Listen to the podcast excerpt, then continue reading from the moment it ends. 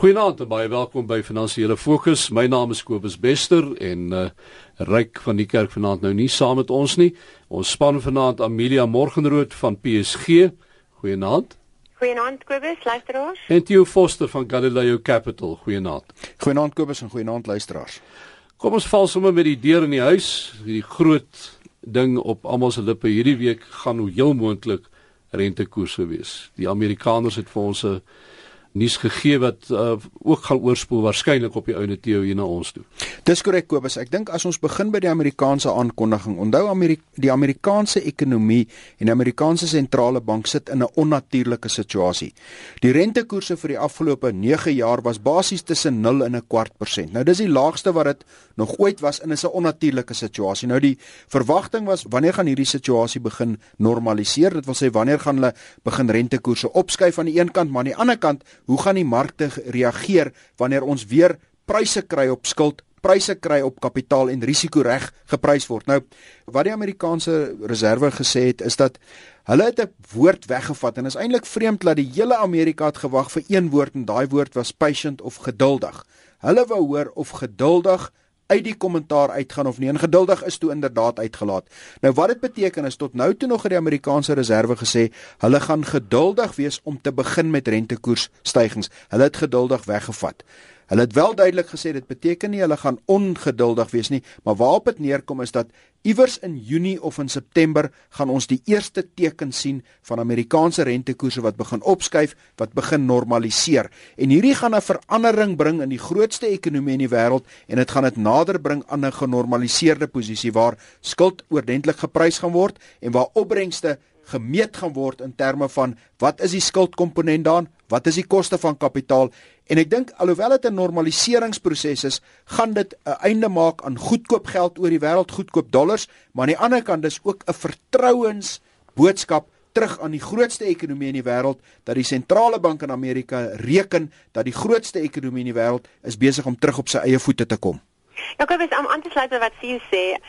Mense is nie altyd lus om te hoor wat in Amerika gebeur en wat hulle federale reserve doen nie. Dit klink so vervelig vir almal. Maar hierdie hierdie gebeurtenis van hierdie week en wat ehm um, Janet Yellen gesê het, dis waarskynlik een van die belangrikste goed wat gebeur het in die afgelope klompie jare in finansiële markte. En dit is 'n stygings in rentekoerse en ehm um, in Amerika en dit het 'n massiewe effek op 'n klomp goed wat weer 'n effek op ons hier in Suid-Afrika het. Hmm. Ek dink een van die belangrikste goed is natuurlik die effek wat dit op die Amerikaanse dollar het ehm um, die effek wat dit op ehm um, kommoditeitspryse het. Vir ons is dit baie belangrik hier in Suid-Afrika. En dit dit vloei eintlik deur na al die finansiële markte in die wêreld. So dit is 'n verskriklike belangrike ding wat gebeur het en daar wat sien nou daar gesê het, die woord geduld wat hulle uitgelaat het. Ehm um, en die feit wat vir my interessant is dat hulle vir die eerste keer datums begin noem het. Ehm um, die mark het verwag dat rentekoerse sal sal styg in Junie ehm um, in Amerika, maar die Federale Reserve, Reserve het nou gesê Hulle verwag dat dit dat hulle die rentekoerse gaan begin opstoot in September. En wat ek die meeste van gehou het van hierdie verklaring wat hulle gemaak het um, hierdie week, is dat dit kalmte na die um, finansiële markte toe bring. Dit bring rustigheid, dit bring sekerheid want markte hou nie van onsekerheid nie. Die oomblik as daar onsekerheid is, dan is markte geneig om verskriklik in 'n uh, wiplank te ry en in allerlei weet in allerlei rigtings te beweeg. So hierdie bling rus bring, bring, bring eintlik rustigheid en kalmte vir finansiële markte en ons weet eintlik wat voor lê. So ons weet nou wat in Amerika gaan gebeur, daarom kan ons ook begin bespiegel oor wat hier in Suid-Afrika uh, met die tyd gaan gebeur. Ons weet ons reservebank moet nou binnekort hierdie week moet hierdie week besluit ja. ons reservebank. Nou Die punt van die saak is ek dink ons moet teruggaan. Die inflasie syfer wat ons verlede week gesien het was besonder laag. 3.8% is 'n is is laag. Ek dink ook ons moet dit sien dat ons gaan nie veel verdere dalings kry nie. Inteendeel ek dink hierdie is omtrent by die onderste draaipunt. Uh, omdat ons het intussen heelwat petrolprysstygings gesien ons sien beduidende stygings wat deurkom veral in in georgestreerde stygings wat ons gesien het uit die uit die begroting uitkom. Maar die Reserwebank het vir die laaste klompe jare gepraat van hulle wil daarom baie graag ook dat Suid-Afrika se rentekoerse norm, normaliseer. Nou in daai definisie onder andere beteken dat hulle sou graag wil sien dat ons reële rentekoerse het. Dit beteken dat rentekoerse bo die inflasiekoers is en dis amper 'n meer genormaliseerde situasie wat ons het. Nou hierso van middel 2011 af het ons die teenoorgestelde gehad. Ons het gehad dat inflasie is bo die repo koers. Dit wil sê die Reserwebank se offisiële koers wat die repo koers is en wat basies 'n 'n vertrekpunt is van waar rentekoerse gaan wees, was vanaf hierso vanaf die middel van 2011 was daai repo rentekoers eintlik laer as die inflasiekoers. Die inflasiekoers was hoër as die repo koers.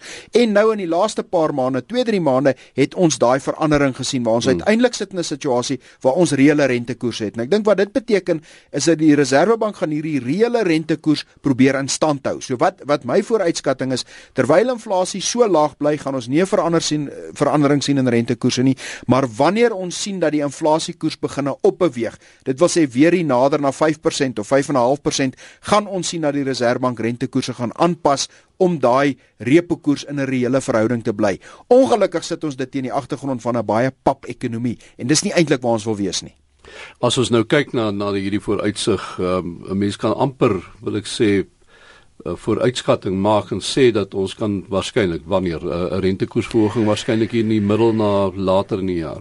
Ja, ek dink As gevolg van die pap-ekonomie, dink ek die Reserwebank gaan dit probeer uitstel sover hulle kan. Maar ek dink die Reserwebank het al 'n paar keer vir ons gesê ons is in 'n opwaartse rentekoersiklus en daai boodskap gaan bly in die mark. So hmm. my opinie is dat hierdie opwaartse rentekoersiklus gaan nie so stram en so vinnig wees soos ander siklusse nie. Ek dink intedeel ons gaan langer laer rentekoerse as wat ons wil hê, maar dit beteken nie dat ons gaan stygings begin kry in die 3de en die 4de kwartaal nie, maar ek dink dit gaan klein wees. Dit gaan 'n kwart hmm. persent hier en daar wees, maar die punt van die saak is ons gaan in 'n ons is steeds in 'n stygende rentekoersfase en die inflasie gaan 'n groot rol begin speel oor die tempo daarvan. Hoopelik later in die jaar en dit gaan nie so erg wees soos ander jare nie. Ja, en sien um, ek dink wat wat ek miskien daar ook kan byvoeg, ehm um, is dat dit dit gaan baie afhang wat met die rand gebeur. Want as rentekoerse in Amerika gaan styg, gaan dit die dollar baie sterk maak en dalk nog sterker maak wat dan druk gaan wat dan gaan tot gevolg hê dat ons rand verswak teen die Amerika Amerikaanse dollar. En dit kan weer baie um, druk plaas op inflasie vooruitsigte.